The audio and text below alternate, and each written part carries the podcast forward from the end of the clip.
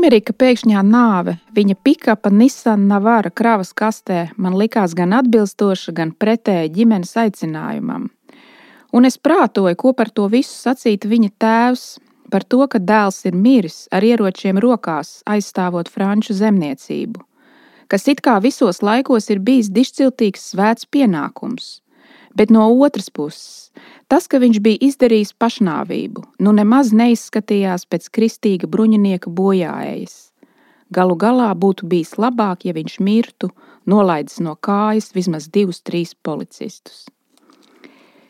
Šis ir citāts no uh, gluži nesen latviešu iznākušās franču rakstnieka Mišela Velbeka grāmatas Serotonīns, kuru ir izdevis Jāņa Rozes apgāds un no franču valodas tulkojas Dens Dimiņš.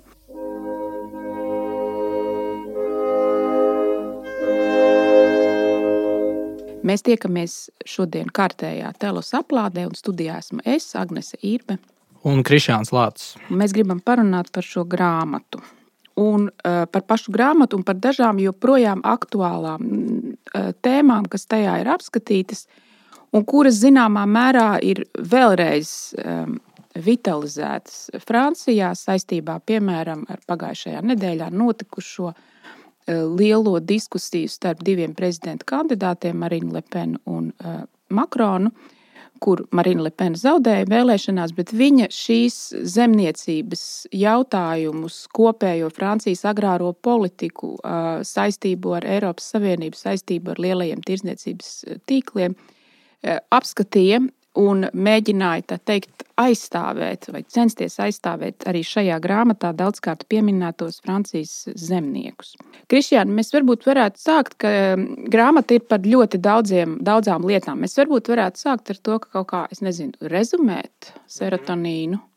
Jā, nu, es mēģināšu stāstīt saviem vārdiem. Jā. Es viņu divos, trīs vakaros izlasīju. Un, un tā, nu, galvenais varonis ir tipiskais tāds uh, Velbeka uh, protagonists, tāds uh, vīrietis ap uh, nu, 40, gandrīz pie 50, man 46. liekas, 46 gadi. Jā.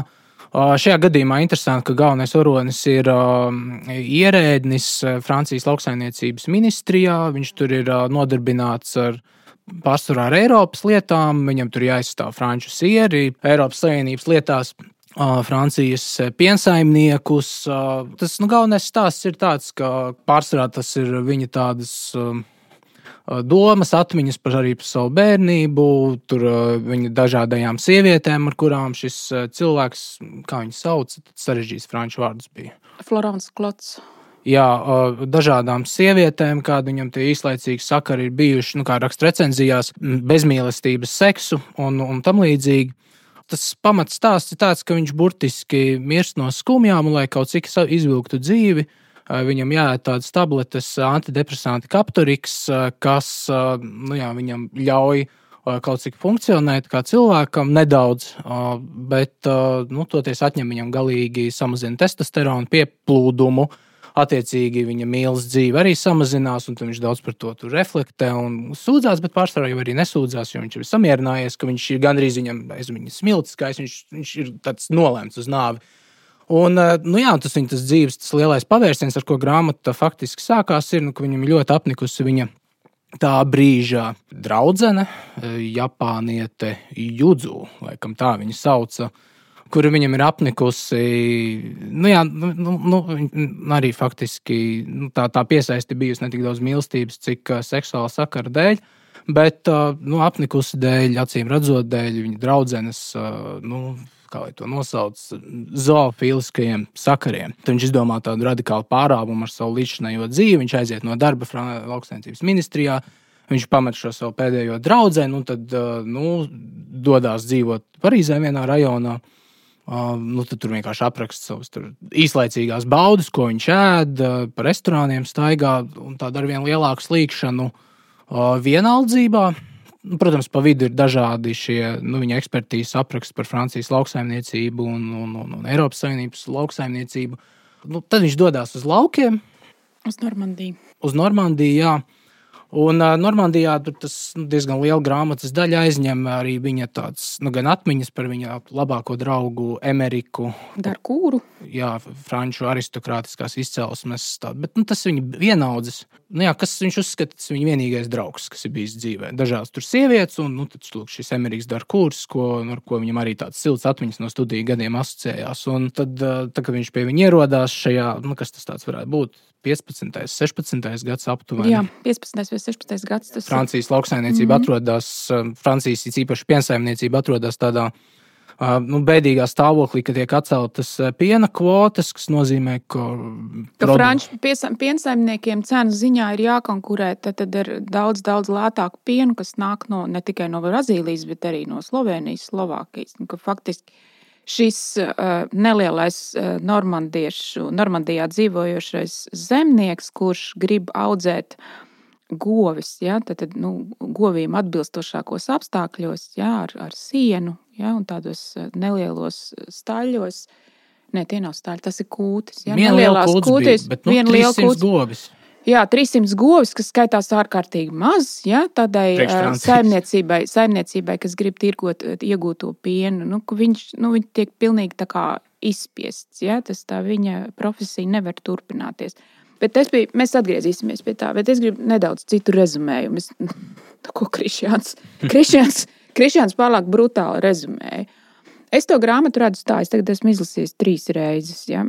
Es to grāmatu redzu tā, nu, tas ir vecums 46 gadi ir zīmīgs. Ja? Tur arī ir tā epizode, viņš saka, jā, bod, nu, bod, Šarls Bodlērs nomira 46 gadu vecumā. Nervals, uh, slavens uh, franču rakstnieks un dzēnieks, no 19. gadsimta izdarīja pašnāvību 46 gadu vecumā. 46 gadi grāmatā tiek skatīts kā tāds lūzuma posms ja? vīrietim. Šis vīrietis atskatās uz savu dzīvi, un viņš ir faktiski spiests izdarīt divus paralēlus un vienlaikus arī saistītus secinājumus. Ja? Viņa mīlestības dzīve nav izdevusies viņa paša vainas dēļ. Viņam ir bijušas vairākas iespējas eh, nodibināt ģimeni ar sievieti, mīlošu sievieti, ja, gribošu sievieti, pretīm nākošu sievieti. Viņš visas šīs trīs iespējas ir sabojājis ar krāpšanu, nu, tad, tad, eh, ja, ar neusticību, ar nespēju, ar nespēju nodoties, ar nespēju nu, teiksim, nodot sevi ja, tam kopā būšanas modelim, ja, kas ir ģimene. Uh, tas ir viena neizdošanās, un viņš to nožēlo, un viņš no tā cieš. Un tad viņš nu, redz, ka tas ir viņa dzīvē beidzies, un vairāk iespējas viņam nebūs. Ja tas ir viena daļa. Otra daļa. Viņš redz arī savu profesionālo dzīvi kā pilnīgi izgāšanos. Arī viņa profesionālā dzīve ir sastāvējusi no vairākiem posmiem. Viņš ir mēģinājis tad, tad Francijas nu, lauksaimniecības ministrijā, ja, kā augsta ranga ierēdnis, aizstāt, aizstāvēt Francijas lauksaimniecību, virzīt uz priekšu savu to skatījumu, kas ir pats saprātīgākais, ja, ko, ko cilvēks varētu aizstāvēt. Nu, eh, vai ir nepieciešams mazas zemniecības, uzlabot apstākļus lopiem, ja, eh, nemēslot, mēģināt privileģēt, mēģināt stimulēt nu, patērētājs pirkt lokālos vietējās preces, ja, nu, tad, tad attīstīt to lauku dzīvi, ja, lai lauki nepaliktu tu, tukši, ja, lai, lai tiksim, tā nu, tā zemkopība nepārvērstos par tādu 19. gadsimta pagātni. Ja? Un, viņš tieši tā arī ir redzējis savu kā ierēģi to uzdevumu. Un tu, viņš tu, tu ir nedaudz idealizējis. Es nedaudz idealizēju, pagaidiet, ne, bet es vienkārši citu rezumēju, mazāk cinisks grāmatas rezumējums. Ja? Un tad lasītājs lai pats spriež. Un, tātad, un tad viņš ir arī nu, iestājies pret, um, pret to brīvā tirgus visām, visiem tiem nolīgumiem, ja, kas 2000. Ja, ne, pagaid, jā, jā, labi, ne, nepārtrauc mani. Ja? Tad, tad, Uh, nu, Jā, vienlaikus arī sevi redzot kā korumpētu visā tajā sistēmā, un vienlaikus arī sevi redzot kā bezspēcīgu kaut ko tur mainīt. Kurš ja? pats ir patērētājs? Kurš pats ir patērētājs un kurš tad viņam dzīvē arī tā svarīgā epizode, kurā savienojās kopā abi, abi šie dzīves po, nu, punkti. Ja? Viņam ir tā viena draudzene, ar kuru viņš varētu apmesties dzīvot Normandijā, vec, tādā veclaicīgā, skaistā mājā ar dārzu. Ja? Strādāt tur uz vietas, aprecēt viņu, ja, un tad, tad būtu pirkt no vietējos produktus, no tiem vietējiem cilvēkiem, un, sakot, tikt prom no Parīzes. Tāpēc citu Parīzi kā monstros, ja, asins izsūcošs tāds briesmonis arī spēcīgi figurē visā romānā. Un viņš šo, šo, šo iespēju ir palaidis garām savu, savu nu, teiksim, savas vainas dēļ. Un, nu, tā, tā tās epizodes, par, Tad romāns ir ļoti liels un plašs, ja mēs varētu daudz stundas par to runāt. Bet tā epizode, kas mūs īpaši interesē, ir tāds tā kā paralēlais stāsts par Emeriku Darkūru, kas ir viņa skolas un studiju laika biedrs. Vīrietis tādos pašos gados, bet nu, ārkārtīgi augsts aristokrātisks izcelsmes, kurš, būdams no tā aristokrātiskā cēluma, manto no sava tēva, nu nevis manto, bet palienē no sava tēva milzīgus īpašumus Normandijā un izlēma nevis palikt Parīzē un strādāt par ierēdni, bet atgriezties pēc studiju pabeigšanas, kļūt par agronomu un tad strādāt tajā savā senču zemē ierīkot tur nu, piena saimniecību, turēt govis un dzīvot no, no, no tās saimniecības pārdotā piena vai kaut kādām citām lietām, ko viņš tur audzē. Atjaunot pakāpeniski to mūžu, tā gandrīz pilsēta, ja? audzēt tur, apprecēties, audzēt savas divas meitas un tādā veidā dzīvot. Tā kā atgriezties pie tām zem, zemkopības saknēm. Un visa tā grāmata ir tāds pakāpenisks stāsts par arī šī Amerika Darkūra. Tādā pašā veidā abu sapņu sabrukumu. Un tie abi sapņi ir viens - nodibināt laulību ar sievieti, būt kopā tajā mīlestībā, un otrs - dzīvot pie zemes, strādāt ar savām rokām, ja? un teiksim, būt, tajā, būt iesakņotam tajā vietā, tur, kur tu esi. Un arī Amerikam abi tiem sapņi izgāžas, sieva viņu piekrāpja, jo viņš sieva, nu, ļoti daudz jāstrādā tajā fermā. Un viņš ir sieva kaut kā pametis novārtā, nav viņa pietiekami labi sapratis, arī tie divi mazie bērni. Ja, tad, tad sieva, es mazliet idealizēju, varu nesmaidīt. Bet, sieva, bet, sieva aristokrāta arī. Sieva aristokrāta. Un sieva izvēlās citu vīrieti, pianistu, pamet Normandijas to zemkopību Eh, dzīvo ar savu pianistu un tām meitiņām Londonā, braukā ar koncertiem pa visu pasauli. Viņš paliek viens pats, viņam ir, protams, jau alkoholisma problēma, kas tikai pastiprinās. Un vēl paralēli tam tas tā, arī tas, tas zemkopības ideāls, iespēja tad, turēt govis, pārdot to pienu un no tā dzīvot, lai sakoptu to vidi, restaurētu to mūžu, tas arī pilnībā izgāžas, jo 2015. gadā m, Eiropas Savienībā tiek atceltas tās sauktās piena kvotas. Un proti, tas tas mazais zemnieks, kurš mēģina to darbu darīt labi, viņš vienkārši nevar piedāvāt tik zemu cenu, viņš tiek pilnīgi izkonkurēts. Un, uh, romānā ir ļoti spēcīga aina, ļoti labi aprakstīta, par kuru pēc romāna iznākšanas bija ļoti daudz komentāru salīdzinājumā ar tā saucamo dzelteno vestu protestiem. Atgādināsim, ka tie kopā turpinājās vairāk nekā gadu, un daži no tiem bija vardarbīgi. Ja? Tas tagad ir aizmirsties, jo Covid to pārtrauc. Ja? Bet, uh, Ja, un, un, un tur ir kaut kāda būtiska paralēla. Ja, jo arī tās dzeltenās vestes, tie, tie, nu, tie mazie cilvēki no laukiem, kuriem ir sajūta, ka valdība, valsts vara vispār viņus neredz, nesaprot, ka visa vara koncentrēsies lielajās pilsētās. Viņiem nav vispār priekšstata par to, kā cilvēki dzīvo uz laukiem un cik svarīgi viņiem, piemēram, ir, lai benzīns paliktu tajā pašā cenā. Jo viņi no mājām uz to darbu vietu, viņiem ir jābrauc katru dienu, ja, vai viņiem ir jābrauc lopiem pēc tās barības. Un tie ja. Parīzes seko cilvēki, ko personificē Makrons. Jā, uh, Emanuels. Jā, ja Emanuels Makrons grib nu, tur uzlikt dažādas tās emisiju, visādas uh, regulējumus. Ko, kas cilvēkiem liekas pilnīgi ārprātīgi.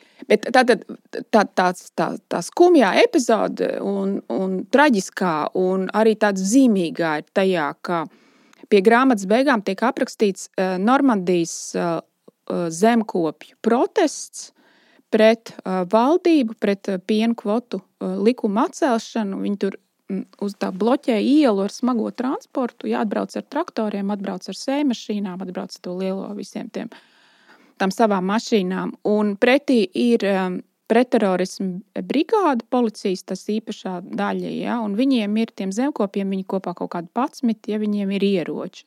Un notiek tāda traģiska epizode, ka tas Emeriks Darkūrs stāv pašā priekšā un no sākuma ir sajūta, ka viņš šaus uz tiem policistiem, nu, lai izteiktu savu protestu pret, pret Francijas pieņemtiem lēmumiem, bet viņš īstenībā pagriež to ieroci pret sevi un nošaujas.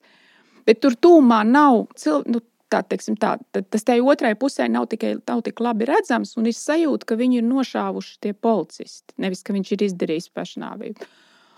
Un tad nu, tie zemkopi, kuriem ir ieroči, sāk, sāk šaut pa policistu. Policija šāva pretī. Policija, protams, ir bruņojumā un ar tiem vairogiem. Un desmit, desmit cilvēki no zemkopiem tiek nošauti uzreiz. Viņi iet bojā uz vietas, un vēl viens nomirs naktī slimnīcā. Un tā ir tā viena no tām traģēdijām, par kuru autors arī raksta, ja, ka nu, kad bija šī asins izliešana un šī, šis šausmīgais notikums, tas iespējams tas bija tā kā.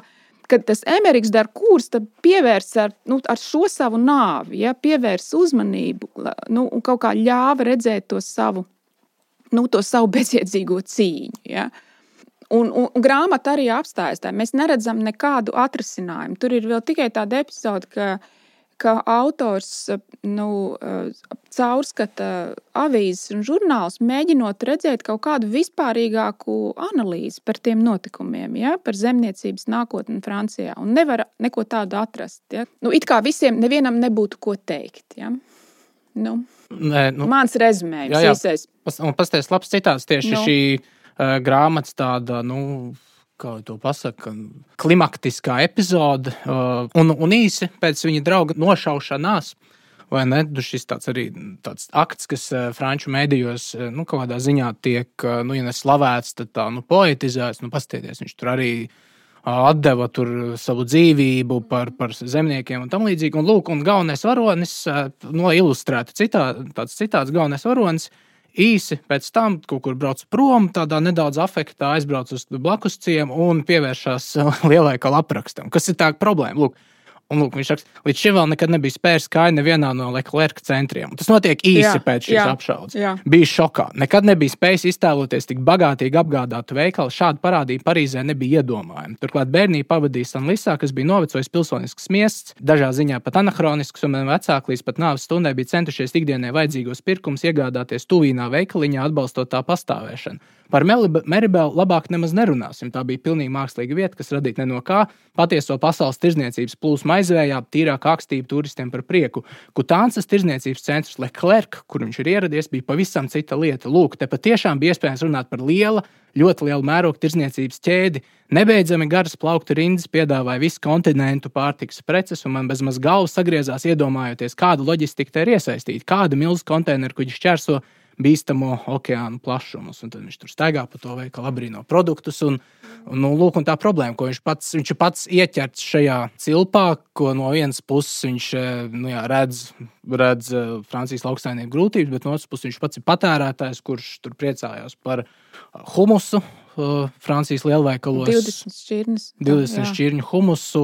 Nu, jo šīs sīkās baudas ir vienīgās, kas viņam gastronomiskās ir atlikušas. Viņi tur 46 jā. gados. Proti, arī viņš pats nav, pat ja viņš var just līdzi eh, tiem Fran vai Normandijas zemkopiem, viņš pats nav tas cilvēks, kuram vajadzētu to viņu, nu, vai viņš, kurš būtu gatavs iztikt no viņa produkcijas. Ja? Nu, tas ir tas. Faktiski, lai cilvēki varbūt, nu, pēc tam, kad grāmata iznāca, tad bija, mm, bija interesants komentārs no bijušā politiķa Jose Bovē, Francijā. Man liekas, mēs vienā aplādē esam jau par viņu runājuši, kurš arī ir lauksaimnieks. Un viņš bija tagad līdz pat 2019. gadam, bija, man liekas, arī Eiropas parlamentā pārstāvēja kaut kādu vienu to zemkopu frakciju vai kaut ko tam līdzīgu.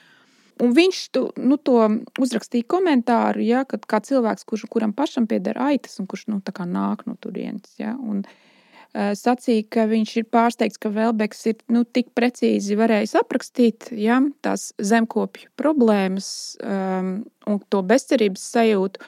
Un runājot par to bezcerības sajūtu, es vairākas reizes pārbaudīju datus, bet tiešām tā arī ir. Un tas arī tagad izskanēja Francijas pirm, nu, pirms prezidenta vēlēšana tajās debatēs, kad ir viena profesija, ir, kur ir visaugstākais pašnāvību rādītājs ja, pret cilvēku skaitu, un tā, tie ir zemkopi.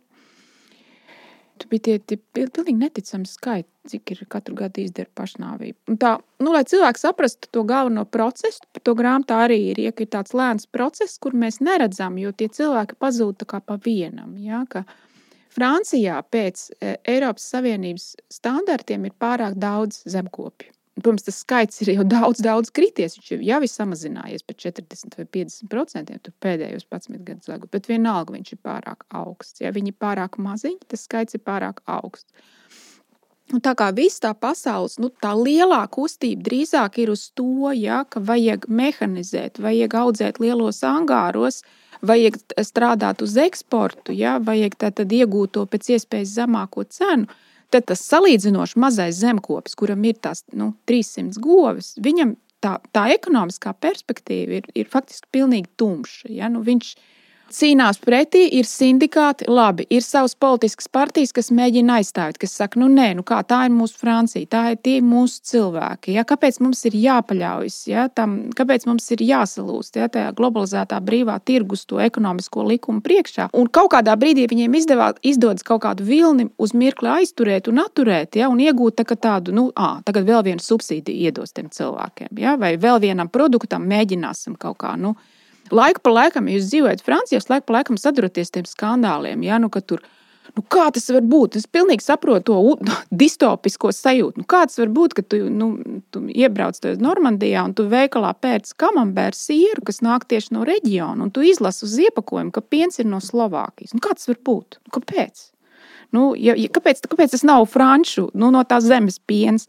Lūk, nu, tie ir tie ekonomiskie likumi. Ja? Tad, tas ražotājam ir. Tas, tas ražotājs, protams, ka ņems to pienu, kas ir lētāks, ja, un tas nāk no Slovākijas. Un tad tur ir tā šausmīgā aina, kur, nu, kur ir stāstīts par tiem, tiem Normandijas. Nu, viņi ir izslaukuši to pienu, viņi viņu nevar pārdot, jo viņš ir nedaudz par dārgu. Viņi viņu izlaiž vienkārši upē. Ja, un tad, tad, nu, viss tas Un atbildes uz to visu, tādas viennozīmīgas, skaidras atbildes, kā mēs redzējām arī pirms prezidenta vēlēšana tajās debatēs Francijā, nav. Ja? Ir vairāki modeļi, un teiksim, tas nacionāli protekcioniskais, ko man būtu tendence, nu, ir gandrīz intuitīvi aizstāvēt. Ja? Nu, kā tā ir mūsu zeme, kāds vēl slovāku piens, nu, beidziet, mēs paši izslauksim savu pienu. Mums pašiem viss šeit ir. Es, tūīt, es drīkstu nu, Lepēnas pozīciju nolasīt. Jā, Lepēnas pozīcija. Tur bija pārstāsti.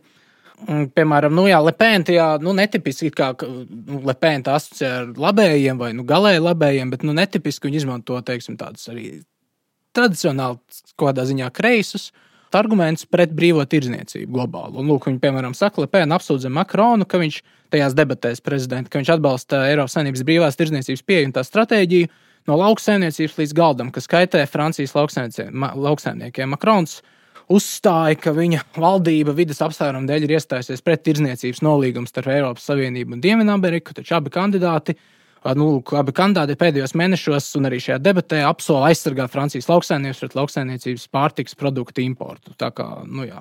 un, nu, un Lepēns priekšlikums ir daudz radikālāks. Viņa vēlas izslēgt visus lauksaimniecības produktus no šiem nu, brīvās tirdzniecības nolīgumiem, kurus Eiropas Savienība kā tās liels tirgošanās un tāds iekšējā tirgus bloks slēdz ar ārējiem, nezinu, ar Austrāliju, ar Jaunzēlandi, ar Dienvidameriku. Vai arī ar Vāciju. Jā, tas, protams, ir pilnīgi radikāls piedāvājums, bet nu, kas diez vai varētu to realizēt. Ja? Tad, tad visus, visus pārtiks produktus vispār izņemt ārā no brīvās tirzniecības ja līgumiem. Nu, bet un... es saprotu, es, Nu, zini, kā es, es tad, tad, tad citur ir pieminēts tas Merkosūri, ja, tas ir, kas arī ir grāmatā, un tu tikko pieminēji tajā citātā. Un par to bija liels tāds debats, un paldies Dievam, tas tika nobremzēts. Mums ir tomēr arī jāpasaka, ka Eh, klausītājiem, ja, ka neņemiet arī jebko, kas, ko jūs atradīsiet, visus tos izklāstus Vēlbeka grāmatā, kā tādu nu, ziņu sižetu par to, kas šobrīd ir. Jāsaka, tomēr, ka kopš 2015. un 2016. gada ir arī lietas mainījušās. Piemēram, Merkosūra lielais pārkontinentālais tirzniecības līgums no eh, Eiropas Savienībai ar eh, Latviju Ameriku. Viņš ir šobrīd iesaldēts un apturēts. Nu, tas, tas, nav, tas nav vēl noticis. Tas, ko tur saka, ka tuliņ tas notiks. Ja? Un ka tā tad Eiropa piegāzīsies pilna ar Argentīnas lēto gaļu, Ja, un, un vienkārši tādu gaļas tirzniecību Eiropā var vienkārši aizmirst. Ja. Un, un vēl pēdējais. Ja, um, situācija, vēl dažādu ideoloģisku iemeslu dēļ, arī da, dažādu jaunu strāvojumu dēļ, viņa šobrīd ir, manuprāt, pateicīgāka protekcionisma aizstāvjiem. Ja? Nu, tas kopš 16. gada kopš 16. gada, kur gan Brexits, gan arī Trumps, nu, tur tie visi argumenti bija Eh, nu, pret brīvo tirdzniecību. Jā, pret brīvo tirdzniecību. Šis ir viens arguments, ko ir nedaudz labāk nu, no, šai, no šī viedokļa, nedaudz labāk kopš 2016. gada, bet nāk vēl klāt papildus jaunu argumentu. Piemēram, Nu, šajā ziņā varam ļoti pateikties, manuprāt, visiem zaļajiem, visiem eh, dabas vides aizstāvju organizācijām un kustībām. Ja? Uh, kuri uzdod jautājumus, vai tiešām ko nopietni ja, mums ir jāved pāri okeānam gaļa, lai gan mēs varētu viņu, nu, nu teiksim, kāds piesārņojums, kāds CO2 izmeši rodas tā. Ja, kāpēc, mēs, kāpēc mēs vasaras laikā tomātus pērkam no Eģiptes ja, vai no Spānijas? Nu, kāpēc tik tālu? Vai tas ir pareizi? Kāda ir tā pēda, kas tiek atstāta? Ja? Un, protams, ka tajā aprēķinā visu to zaļo, arī visu nevalstiskās organizācijas, bet arī ir partijas. Ja? Nu, viņi, protams, redz tieši to pašu, ko teiktu pavisam cita flanga labējie tradicionālisti. Audzējiet uz vietas, lokāli, ja maksimāli pārtieciet no tā, ko jūs varat šeit izaudzēt. Iegādājieties tikai to, ko jūs nevarat izaudzēt vēl par Merkosūru. Uh, nu, tur tāds, viņš, viņš arī raksturo tos tirdzniecības līgums, bet atkal man, man patīk šajā grāmatā, ka ir ne tikai no tās ražotāja perspektīvas, bet arī no patērētāja perspektīvas. Viņš ļoti apraksta to psiholoģiju, tieši proti, noieta tirgiem, kā nu tiek veidot noieta tirgi. Un, piemēram, tieši Merkosūra gadījumā, nu, kur ir šī gaļa no Argentīnas, piemēram, no Argentīnas šiem milzīgiem koncerniem, lūk, kā viņš raksturo no, no patērētāja skatu punktu vidējo rietumu, tad ASV vidējo rietumu liel, lielopu gaļa nekāds dižos panākums vietējā, protams, Francijas tirgū negūta. Bet argentīniešu lielops gan bija uz pareizā ceļa. Īsti gan nav saprotams, ar ko tas bija izpelnījies ievērību. Laikam jau ir tā, ka patērētāji ir tādas mazas impulsīvas būtnes, daudz impulsīvākas nekā lielopi.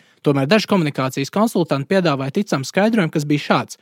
Kauboja tēls, viņuprāt, bija pārmērā apvazāts. Visi zināja, ka Middle West ir tāda tālu un neko neizsakoša teritorija, kur ir tikai gaļas fabrikas, ikdienā tiek pasniegts pārāk daudz burgeru, citādi nevar. Būsim realisti, lops ķert ar lasu arī vairs nav iedomājams, kur pretīm gaučo tēls vai arī tā līdzdarbojas kāda latīņamerikāņu maģija, turpināja barot Eiropas patērētāju fantāzijas. Viņi iztēlojās plašas, cik viens skatiens sniedz prērijas, lepnus un brīvs lops, aulēkšojam pampu ārēs. Lai kā arī būtu argentīniešu lielopam, vārti uz mūsu tirgu bija plati vaļā. Jā, tas ļoti labs citāts tieši par tām cilvēku vīzijām. Nu, viņi, ko viņi saka, o, Argentīnas lielops, viņi tiešām iedomājas to prēriju. Tas, ko viņi absolūti nevar redzēt, ja nu negrib redzēt, ja viņiem trūkst tās informācijas ka tie ir milzīgi, kilometriem gari angāri, ja, kur dzīvnieki ir saspiesti šaušalīgos apstākļos, ja, ka viņi tiek baroti ar antibiotikām, ja, un ka, lai, nu, arī lai apkarotu tās vietējās infekcijas slimības. Nemaz nerunājot par to, ka Latvijas valstīs ir citādāki normatīvi, nu, tā, pārtikas drošībai, ja, un arī dzīvnieku labturības normatīvi atšķiras no tas, kas ir pieņemts Eiropas Savienībā, un ko, paldies Dievam, mēģina pieņemt. Es mēģinu, nu, pilnībā atbalstu ja, visu to mēģinājumu uzlabot dzīv, dzīvnieku stāvokli industriālajās fermās. Un kad mums iedomāj, mēs iedomājamies, ka tur kaut kā no Parīzes varēs kontrolēt, kā tur Argentīnā, tur tiešām tajā fermā, kādos apstākļos, ko, kā to lopiņu baroja un kas tur notika. Ja? Un kad, nu, ta, un, tas milzīgais naivums to redzēt kā prēriju. Par šīm lielajām industriālajām fermām, Jā, kā Eiropas Savienībā, fermām. nu, mēs mēģinām uh, sevi tā slavēt uz pārējās pasaules fona, bet šeit arī tāds, manuprāt, viens no tādiem atslēgas citātiem uh, grāmatā, kas man šķiet arī tev kaut kur tu esi viņu citējis. Citējus, jā. jā, bet kas man ļoti patika, jo tur ir nu, arī apvienots. Uh, ne tikai šī nu, nu, tāda, jā, no ekonomiskā perspektīva, bet nu, vairāk citi motīvi, kas arī tos nabaga lopus, arī nabaga šo lauksaimniecības nozaru sasaist ar cilvēku kaut kādu nu, vispār mūsdienu cilvēku stāvokli. Un, protams, nolasīšu. Citāts. Es lieliski zināju šo fermu, tā bija milzīga. Vairāk nekā 300 tūkstoši vistu olas tika eksportētas līdz pat Kanādai un Saudarābijai, bet tai bija ļoti slikta reputācija, viena no sliktākajām Francijā. It visas inspekcijas sniedza par šo audzētāju negatīvu atzinumu. Telpās, ko izgaismoja jaudīgas halogēnas griestu lampas, mēģināja izdzīvot tūkstošiem vistu, kuras bija saspiestas kā siļķis mucā. Būru tur nebija, to sauc par audzēšanu uz zemes. Putni bija izplūkāti, izkāmējuši, ādi iekaisus un sarkano ērcīšu sēsta. Tie dzīvoja starp savu sugas biedru pulstošajiem līķiem un pavadīja katru savus īsās augstākais gadu ilgās dzīves sekundi, kladzinot šausmās. Bet tāpat bija pat labāk uzturētās saimniecībās. Tā bija pirmā lieta, kas pārsteidza šī nepārtrauktā kladzināšana. Nemitīgie panikas pilnie skatieni, ko viss tas raidīja, panikas un neizpratnes skatieni, tās pat nelūdza nekādu žēlastību, jo to nespētu, bet tās nespēja aptvert apstākļus, kādos bija spiestas dzīvot. Nemaz nerunājot par vīriešu kārtas cēlēniem, kas nebija derīgi dēšanai un saujām vien tika mestas malcinātājā. Es to visu zināju, man jau bija gadījies apmeklēt vairākas vistu fermas, arī LBF audzētāju, kas neapšaubām bija vissliktākā, bet parastais zemiskums, ar ko es bruņojos kā kurš katrs, man ļāva to aizmirst. Šis ļoti spēcīgs citāts, es tiešām esmu viņu, viņu izmantojis, kas arī nu, runā par tām lietām, ko mēs nevēlamies redzēt. Ja? Man dažreiz ir žēl, ka nu, man visādi citādi mīļā tā tradicionālo kon konservatīvo pusi, ja? arī skrūtons, piemēram, nu, ka viņi nu, redz visu to dzīvnieku aizstāvību kā tādu kreisās kustības uh, muļķīgu izpausmi. Un, manuprāt, tas nav tiesa. Ja? Manuprāt, uh, tās organizācijas un tie cilvēki, kas iedziļinās, ja, uh, mēģina tikt iekšā, nav nemaz tik viegli to izdarīt. Ja? Tas industriālās audzēšanas fermās, nu, kas ir tas mūsdienu, pret, pret ko arī runā grāmata tas mūsdienu pārtikas ražošanas modelis, ja, par kuru saka, ka tas ir vienīgais ekonomiski izdevīgais un vienīgais, kurš veicina izaugsmi. Ja, tad visiem viss ir labāk. Ja. Viņš, dzīvniekiem viņš ir vienkārši briesmīgs, viņš ir šausmīgs. Jā, un um, šajā citātā vēl arī tur ir tas, uh, ko arī, nu, ja kāds te būtu no, no dzīvnieku brīvības vai no kāda no tām organizācijām, ka tur ir pat arī uzsvērts, ja tā tie ir brīvās turēšanas apstākļi. Cilvēki, arī, nu, arī man ģimene tādēļ es pat nēdu olas, bet man bērni ēd. Nu, tad mēs tad izvēlamies pērkot to kastīti, ja, pirmkārt, lai būtu no Latvijas tās olas, tad liekas tas tā kā tuvāk mums, un arī, lai būtu brīvās turēšanas apstākļi. Ja. Un, brīvos, brīvās turēšanas apstākļos dētas olas. Ja? Un, cil, nu, cilvēkiem liekas, ka nu, tur ir labi, ja? bet visdrīzāk nav. Nu, nu, mēs nav. arī Latvijā lielamies. Mēs mēģinām sev mierināt, ka mums nav tik traki ar, ar, ar mūsu ar ķekavas vistām un ar Baltikovo olām. Bet, nu, ir traki. Ir traki. Ir slikti. Ir jā. slikti. Varētu pilnīgi apzvērēt pie tā, ja katrs video, kas tiek iegūts no audzētājs, izraisīs skandālu. Ja? Tur būs skandalozi, nepieņemami skati. Ja? Un, un pat arī negribas, zini, kā negribas arī tam ķekavas tai vadībai nu, pārmest. Ja? Jo, nu, kā tad viņi var, ja viņiem ir cik vairāki tūkstoši? Nu, kā tad katrs veterinārs var pienākt pie tās vistiņas un teikt, labrīt, mīlīt, vai ne? Ja? Bet mēs dzīvojam kaut kur, un grāmatā arī tas ir skaisti parādīts. Mēs dzīvojam kaut kur tajā vīzijā, un es neatkāpšos no viņas. Ja? Tā ir tā Amerika, ar kura vīzija. Tev ir mazā ferma, tev ir savas gotiņas, tur ļoti skaisti aprakstīts arī tās govis. Viņš arī sēž tajā telpā, kur tās govis ir. Ja? Viņš ir seko līdzi katras govs attīstībai, uzvedībai, ja? un aprūpē viņas. Ja? Un ceļās no rīta, lai ar rokām viņas slauktu, ar rokām slauktu. Kāpēc ar rokām? Tāpēc, ka govī tā ir patīkamāk, ja? nevis ar slaucamo mašīnu. Ja, turpat bērni aug, un tā ir tā saimniecība. Tas ir tas modelis.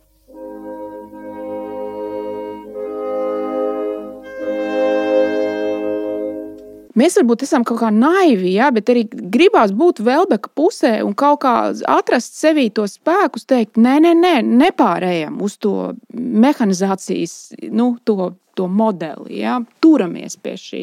Bet, nu, lūk, pieminēja tos bērnus, kas uh, skraida starp vistām. Un, man liekas, tas ir viens no tādiem slēptajiem šīs grāmatas vēstījumiem, kas parāda, nu, ka viņi varbūt ir tiešām labāki nekā pirmajā brīdī šķiet. Ka, un kas arī man patika, ka runa nav tiešām par vienkāršiem uh, lauksaimniecības vai kaut kādiem ekonomikas noteikumiem, Jā. kā nu, ražot lētāk, izdevīgāk un tam līdzīgi. Ka, uh, arī nu, teiksim, šis Amerikas izvēlētais modelis, nu, bioloģiskā saimniecība, nu, eko un vispārējais. Uz to nav iespējams skatīties šauri tādās ekonomiskās kategorijās, jo tur uzreiz parādās daudz lielāks stāsts. Tur ir parā, tiešām tā ir ģimene, tā jābūt ģimenes lauksaimniecībai, Jā. kur uh, Darba visā procesā ir iesaistīti gandrīz visi ģimenes locekļi. Šīm attiecībām arī cilvēku starpā ir jābūt mīlošām. Mēs redzam, kā Amerikam tas notika. Nu, nu, nostrādinot sievu vai sievai, kaut kā izjūtot aizvainojumu par to, ka viņa no, nu, nezinu, no Parīzes aristokrāts ir nonākusi tādā stāvoklī, ka viņai katru dienu jāslauc jā, gobis. Un, jā, pagaidiet, pagaid, es iestarpināšu, piedod, bet tu, tu pēc jā. tam varēsi turpināt. Es iestarpināšu. E, grāmatas protagonista komentārs par to, kāpēc iz, sa, sabruka Amerika attiecības ar sievu Klēru, ja, ir tāds, ka viņi to dzīves grūtību dēļ pārtrauca. E, nu, viņu intīmā dzīve izbeidzās. Viņa komentārs ir, ja vīrs ar sievu pārtrauc gulēt, tad tās attiecības nav glābjamas. Tur neglābs arī ekonomisko apstākļu uzlabošanās, tur neglābs arī vai solījumi vai kaut kāda vīzija. Ja? Tur, ir ļo, tur īstenībā ir labi komentāri ja, par to, nu, kas īstenībā Jā. notur, kas ir tas nepieciešamais elements laulībā, kam ir jātur tā ģimene kopā. Un, Piedod, es tev pārtraucu. Tur tā lieta, ka šajā grāmatā, un tas ir arī tāds Velbeka, nu, varbūt kādam tādam nu, naivākam vai ro, romantiskāk pēdiņās noskaņotam cilvēkam, tas varbūt ir pa piedaudzību, ka Velbekam ir, nu, darbojas šis tāds materiālistiskais vai materiālais aspekts. Nu, ka, uh, Nu, ka, jā, laulība arī ļoti skaista. Nu, pirmkārt, mēs gribam, lai ir laba bioloģiskā lauksaimniecība, mēs gribam turēties pretī nu, globalizācijai, visam tādam šim nu, baiso industriālo vistu fermu murgam.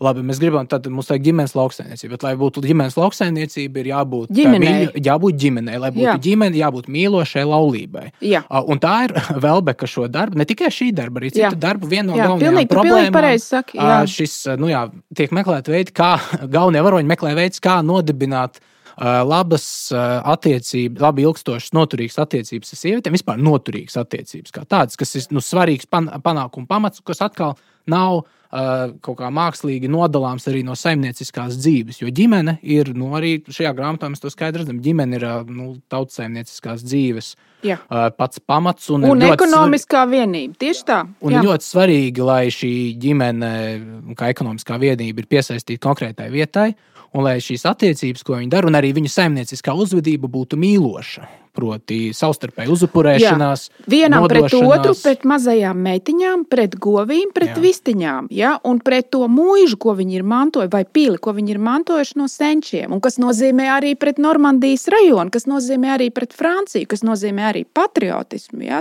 Tajā grāmatā ir tāds spēks, tajā, kad, nu, tātad, kā es mēģināju sākumā teikt, kad tu redzi to sabrukumu, ja cilvēks tuvojas nāvē, viņam liekas, ka ne, nevienā sfērā nekas nav izdevies. Tad tās sfēras neizdodas tik labi nodarīt, nodalīt vienu no otras. Ja?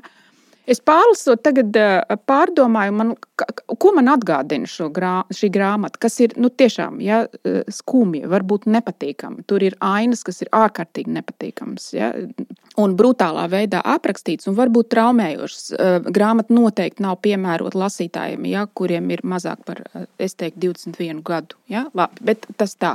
Man atgādināja šis stāsts uh, Zjāgencevu filmu Leviatāns. Tur ir līdzīgs vēstījums, protams, šis nav saistīts. Tur ir līdzīgs vēstījums. Kāpēc? Tāpēc, ka Leviatānā mēs redzam, no vienas puses, mēs redzam uh, Putina drausmīgi korumpētās uh, lokālās pārvaldes, tos alkoholiķus, kretīnus, uh, vietvalžus, ja, kas spiež ārā vienu ģimeni no viņu mājas brutālos veidos ar uzpirktām tiesām. Procesā piedaloties arī vietējai baznīcai, kur, kur grib arī iegūt to zemi. Tad, tad tur ir korumpēta visa politiskā sistēma, lokālā pārvalde, reliģija, visi cilvēki. Vis, nu, viss tas ir šausmīgi, pilnīgs pūvums. Un, un ir, ir kārdinājums skatīties jau uz to filmu kā tādu, ka, nu, nu redziet, redziet, ja, po, nu, Putina koru, kor, korumpētais režīms, paskatieties, ko izdara. Ja, tur ir beidzās ar nāvi, ja, cilvēkiem pilnīgi sabrukumu. Vienlaikus filma rāda arī to, ja mēs izņemtu ārā Putina korumpēto to režīmu. Un paskatītos tikai pašu uz to pašiem tiem cilvēkiem un to ģimeni un viņu attiecībām. Mēs redzētu, ka tur ir pilnīgi, nu, ta- tas rezultāts visdrīzāk nebūtu citādāks, jo tās galvenās varoņa vīriešu un sievietes attiecībās jau ir puvums un tārps eh, sērdē. Ja? Tur ir neusticība, tur ir dzeršana, tur ir vardarbība, tur ir melošana. Ja? Tur ir jau attiecības ar to zēnu, kuram nav mātes. Ja? Tur ir e, nu, tādas nepatīkamas, e, nu, samocītas, nepiepildošas attiecības ar it kā ar tiem saucamajiem draugiem un atbalstītājiem, kas arī balstās uz manipulācijām, meliem. Un tad tu sev jautā, ja, nu, tajā filmā, un šeit tas ir līdzīgi, kas būtu citādāk, pieņemsim, mēs jautātu par Velbeku, to aprakstīto situāciju Amerikam. Kas būtu citādāk, ja viņam izdotos no savas tās fermas pārdot to pienu par pieņemamu cenu, ka viņš nav visu laiku parādos un visu laiku nav spiests kā cīnīties pret bankrotu? Kas būtu citādāk? Attiecībā uz sievu nekas nebūtu citādāk, visdrīzāk. Ja? Jo sieva jau neaiziet no viņa, tāpēc, ka, labi, viņa, nu, zināmā mērā, tāpēc, ka ir grūts darbs, nu, bet nelielā mērā. Ja? Tas galvenais ir iemesls, ka pašās tajās attiecībās, vai, vai pat nu, vēl pēc teiktu, pra, plašāk, ja, visā mūsdienu sabiedrībā, es nezinu, rietumu civilizācijā, kas atrodas savā norietu posmā, tur jau ir tas darbs sērdē. Nu, vēl viens, lai ilustrētu, piemēram, to, ka, nu, ka tieši ekonom, nu, Ļeņins teica, ekonomikai jābūt ekonomiskai, bet nu, mēs teiktu, ka kā tādi konservatīvi, nu, ka ekonomiskai jābūt cilvēciskai ar visu to, nu, ko paredz cilvēka dzīve. Un tas ir šīs grāmatas tāds stiprums, ka viņš parāda tos dažādos motīvus, nu, kas cilvēkus dzen uz priekšu, vada gan, nu, gan ražot, no ražotāja perspektīvas, gan no patērētāja perspektīvas. Un, un tad, lūk, viens tāds arī vieta, viņš ir pie vienas tās, tās sievietes vecākiem, nu, at- atmiņās, viesojās un iepazīstās ar viņiem. Un tad vienā brīdī, lūk, šāds citāts.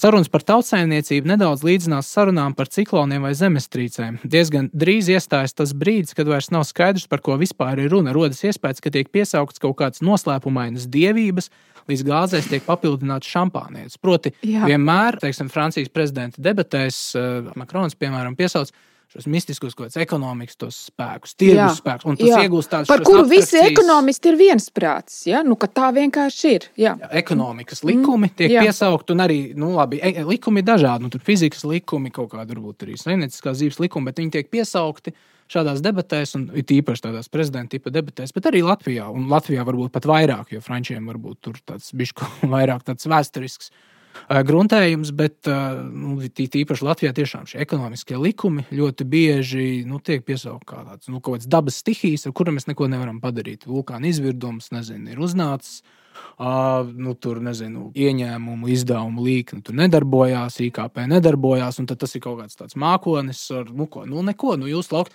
piemēram, klasisks arguments, īpaši arī par Latvijas lauku iztukšošanos, ir, nu, Nu, tā notiek. Nu, tur neko nevar darīt. Ne, Tā, neko tādā laikā darīt. mēs dzīvojam, un, un mm. lūk, kaut, kāds, kaut kāda kataklizma ir notikusi, un mēs neko nevaram darīt. Bet nu, tas, tas slepenais vēstījums, nu, nu, kā es to gribētu lasīt šajā grāmatā, Velbekam ir nu, nu, divas tēmas šajā grāmatā - par lauksaimniecību un par mīlestību, manuprāt. Un nu, mīlestības trūkums, bet nevis vienkārši abstraktā tāda, vai arī mūsdiena, kā mūsdienās tiek runāts par mīlestību, piemēram, no angliski, es, es mīlu burgeru, man patīk burgeris, es mīlu burgeru, no nu, latviešu arī tur pārņemt. Pasākuši teikt tagad, jā. jā. es mīlu tur, nezinu, es mīlu pastaigāties pa parku un tam līdzīgi.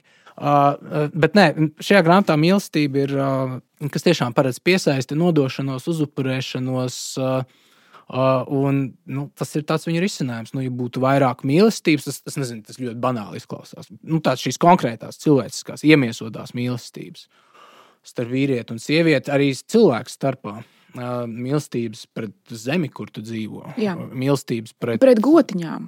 Arī pret gotiņām. Jā, un mm. galvenais varonis, starp citu, vairākās vietās tāda interesanta citāta, kur viņš jūt bijību pret, pret govīm. govīm jā. Uh, jā, un ja būtu vairāk šīs mīlestības, tad nu, tas ar, tam vajadzētu atspoguļoties arī saimnieciskajā dzīvē. Jā. Ka, nu, piemēram, mīlestība būtu tas, kas nu, neļautu, piemēram, arī Eiropas lauksaimniecību atdot, nu, pārpludināt ar Merkosūru gaļas izstrādājumiem. Jā, jo tu, jā, jo tu jā, gribi savēju, tas pieķēries savējam un, un, jā. un tu, tu iestājies. Jā, un man nodarbas. dažkārt, man, man arī dažkārt liek, nu, liekas, ka tādus kā Jose Bovē, jā, vai arī kaut kādas citas, nu, tos zemkopis, kas mēģina, viņi tā, tā, tā, caur tiem sindikātiem izvirzījušies, un viņi mēģina aizstāvēt to patriotisko. Uh, nu, iesakņoto Franciju, ja, tos reģionus, reģionu daudzveidību, nepieciešamību aizstāvēt to ainavu, ja, lai tur neuzceļ tos angārus, ja, cīņu to tādu lokālu līmeņu, cīņu pret piesārņojumu, ja, ko rada nu, teiksim, industriālā ja, mm, ražošana. Ja. Un visu laiku atgādiniet, nu, mīļie cilvēki, nu, Francija ir ļoti bagāta. Ir, tad, tas ir arī milzīgs iekšējais tirgus. Ja? Viņi var sev nodrošināt ar, ar visdažādāko pārtiku. Mums viss kaut kas tur ir. Mums ir nu, lēknu Dievs devis to zemi. Ja? Tur viss ir labi, vajag viņus audzēt, mīlēt. Tieši tā. Un vajag kaut kā mudināt cilvēkus, apelēt. Nu, ne, tas ir arī vairākās vietās tajā grāmatā. Nu, arī, ko mēs Latvijā redzam, ja? lauku reģionu absolūti iztukšošanās no cilvēkiem. Ja?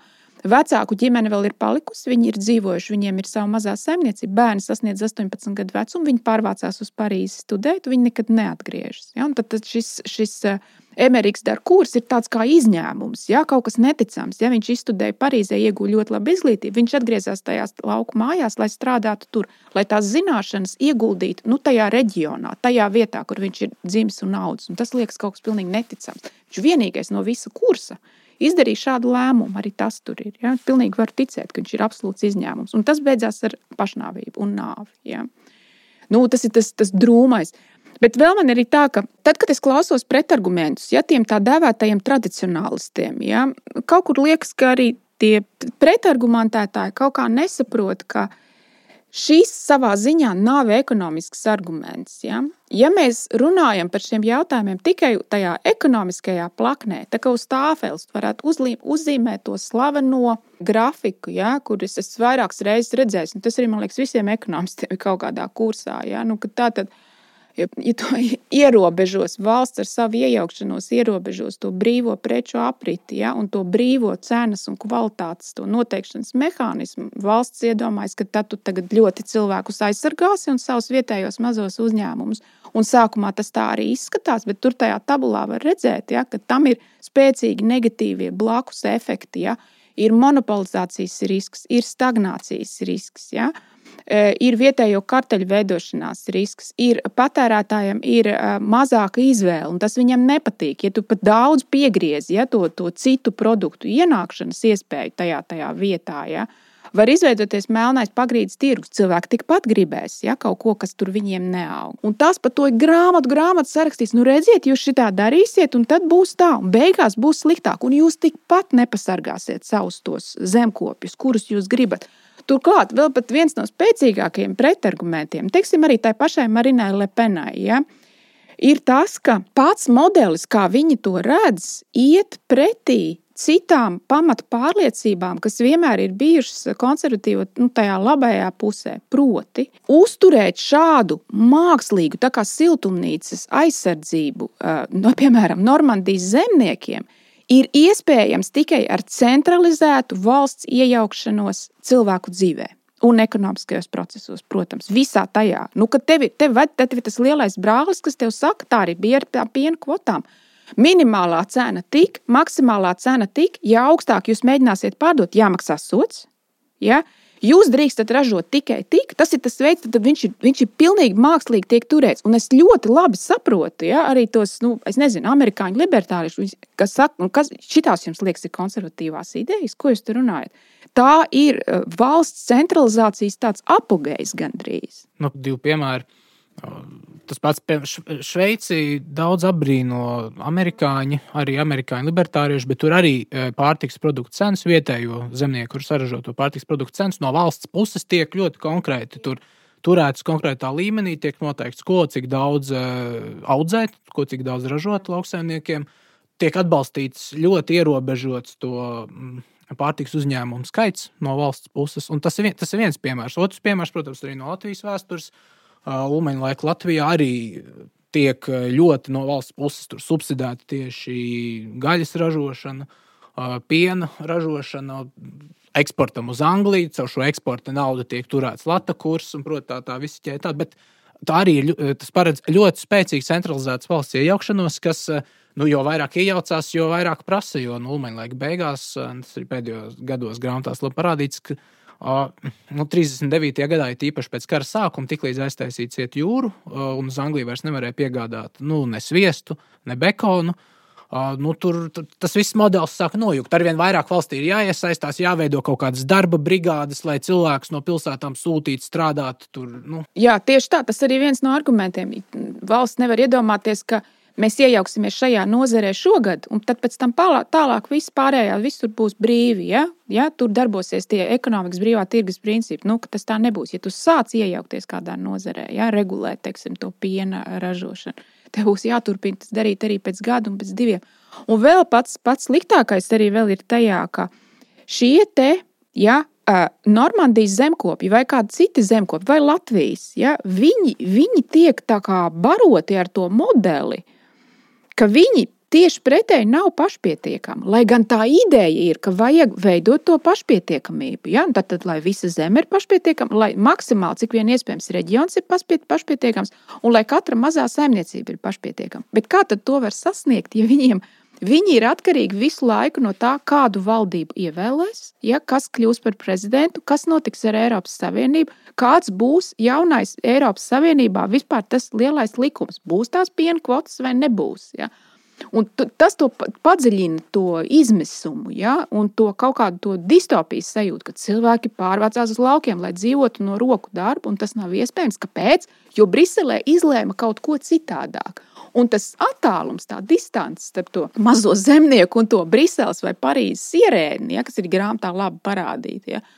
Viņi tādi tā, tād ironiski, nu, komentārs par vispār to to pasauli, kurā mēs dzīvojam, ja, un kurā ir tie divi vektori. Viens ir tā totālā, absolūtā visplanētas globalizācija, Un otrs ir šīs, šī lokālisma tendence. Ak, kungs, atgriezies ar savu sievu un bērniem pie zemes, redz, kur ir uzloci piedurknis, ja? redz, kur ir iestādi burkānus, būs tev burkāni. Ja? Viņi tā kā, tas tā kā divas planētas. Nu, tas arī divas Francijas. Un divas Francijas. Tāds, jā. tāds slavens mūsdienu Francijas socioloģijā, tāds ieviesis jēdziens. Tā, kā viņi sauc, Kristofs Gijī.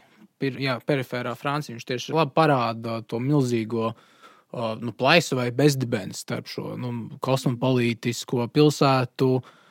Franciju, kur, nu jā, kur galvenie varoņi tiešām ir tādi kā šis Velbeka galvenais varonis, kur nu, tur strādā kaut kādi ierēģi, kaut kāda arī radošo profesiju pārstāvji, nu, kuri principā pārtiek no citu saražotā, nu, kuri apkalpo vienkārši to pārmēru, ko citi ir saražojuši.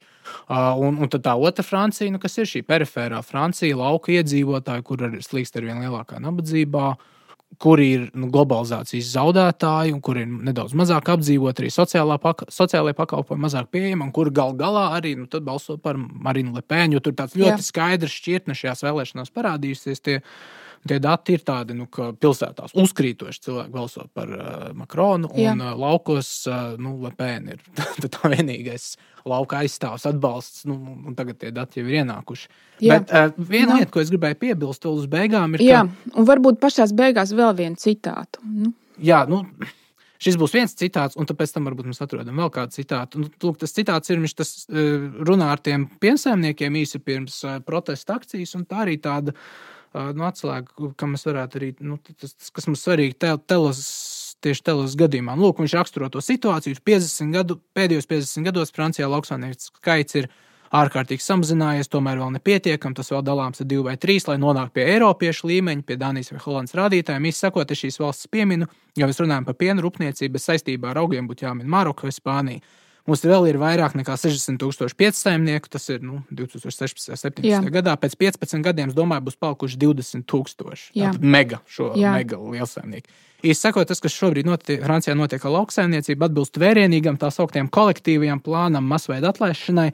Vislielākajai, kāda līdz šim pieredzēta, bet šī kolektīva atlaišana ir slepena, neredzama, kad ļaus pazūt pa vienam vien savā kaktā. Un tad tālāk, lūk, tas, man liekas, kur ir atslēga.